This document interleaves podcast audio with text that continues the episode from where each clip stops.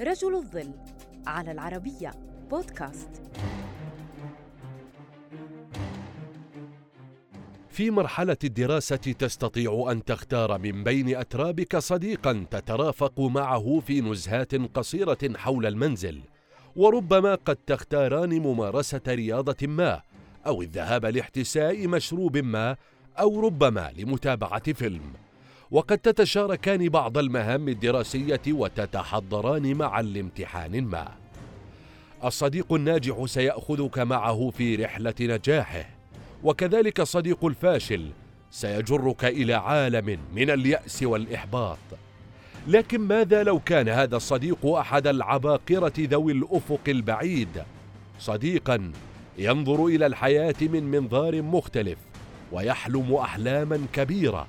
فيأخذك من يدك ويشد عليها ليشاركك حلمك الكبير وطموحاتك ببناء إمبراطورية عظيمة لم تعرف من قبل. فكيف إذا كان هذا الصديق هو بول ألين؟ وكانت هذه الإمبراطورية هي مايكروسوفت. هذا الدعم الصادق ساعد بيل جيتس ليغوص في أحلامه أكثر ويناقشها بشكل جدي أكبر مع صديق طفولته بول ألين. أحلام بيل بدأت أثناء دراسته في المدرسة الإعدادية في ولاية سياتل الأمريكية. في ذلك الوقت تمكن من كتابة رمز خاص بجهاز الحاسوب على نسخة لتطبيق tic tac toe. هذه الأحلام بقيت مع الصديقين فيما افترقا ليكمل كل منهما دراسته في جامعة مختلفة. ألين التحق بجامعة بولاية واشنطن فيما التحق بيل بجامعة هارفارد. في عام 1974 قرأ بيل مقالا عن صندوق حديدي غريب الشكل وذكر المقال أنه أول حاسوب يمكن أن يستخدمه عامة الناس فيما كان حكرا على العلماء. لم يحوي هذا الحاسوب البدائي أي نظام تشغيل من هنا.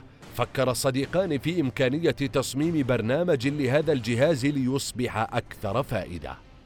المهمة لم تكن سهلة ولم يكن لدى بيل وألين الأدوات الكافية للعمل. استعانا بأجهزة الحاسوب في الجامعة وبصديق ثالث للمساعدة. ورغم الإنذار من الجامعة فقد نجح المشروع وأثمر عن إنتاج برنامج تشغيلي لأول حاسوب شخصي وتم بيعه بثلاثة آلاف دولار. ترك آل جامعته بعد عامين من الدراسة مع أمل بتحقيق أحلام أكبر من درجة البكالوريوس. ثم أقنع بيل بأن يخطو خطوته فيتشارك الاثنان حلما كبيرا بجعل الحاسوب جهازا مرغوبا في كل منزل. ومن هنا قررا معا تأسيس شركة مايكروسوفت هذه الشركة كانت عبارة عن مكتب صغير آنذاك لم يتجاوز المئة متر وبلغ عدد موظفيه أحد عشر فردا من بينهم بيل وآلين.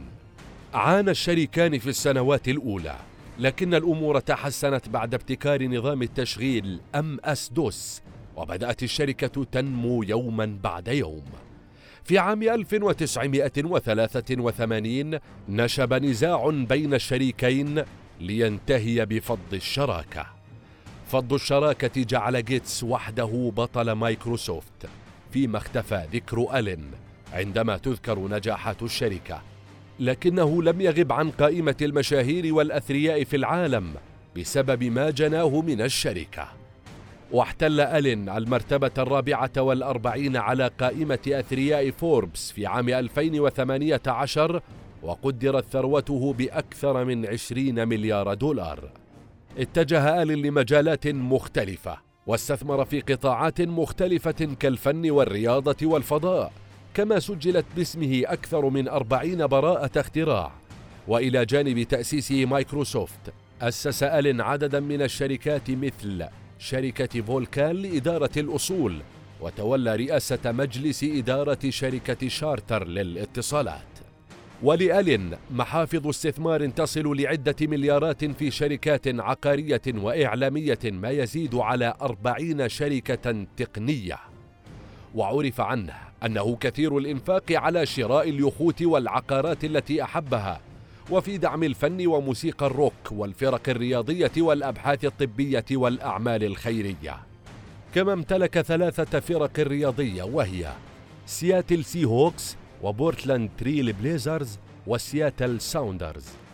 وكان له ثلاث منظمات غير ربحية هي معهد ألين لعلوم الدماغ ومعهد ألين لعلوم الخلية ومعهد ألين للذكاء الاصطناعي.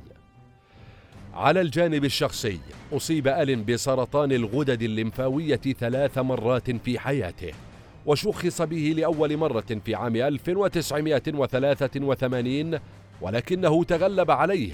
إلا أن المرض الخبيث عاد لمهاجمته مرة أخرى في عام 2009 ليغلبه مرة أخرى.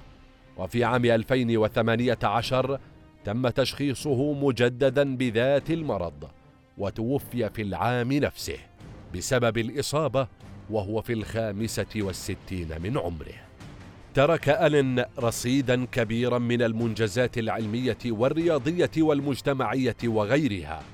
كما ترك بصمة كبيرة في حياة الكثير ممن عرفهم ومنهم صديق طفولته بيل جيتس الذي نعاه بكلمات مؤثرة تعبر عن عمق المحبة والصداقة بين الاثنين. وعلق جيتس على خبر وفاة شريكه والجندي المجهول في رحلة كفاحه بالقول إن فقدانه حطم قلبه وأضاف أن بول كان شريكا جيدا وصديقا حميما. مشيرا إلى أنه لولا بول لم تكن ستوجد أجهزة حاسوب شخصية يوما.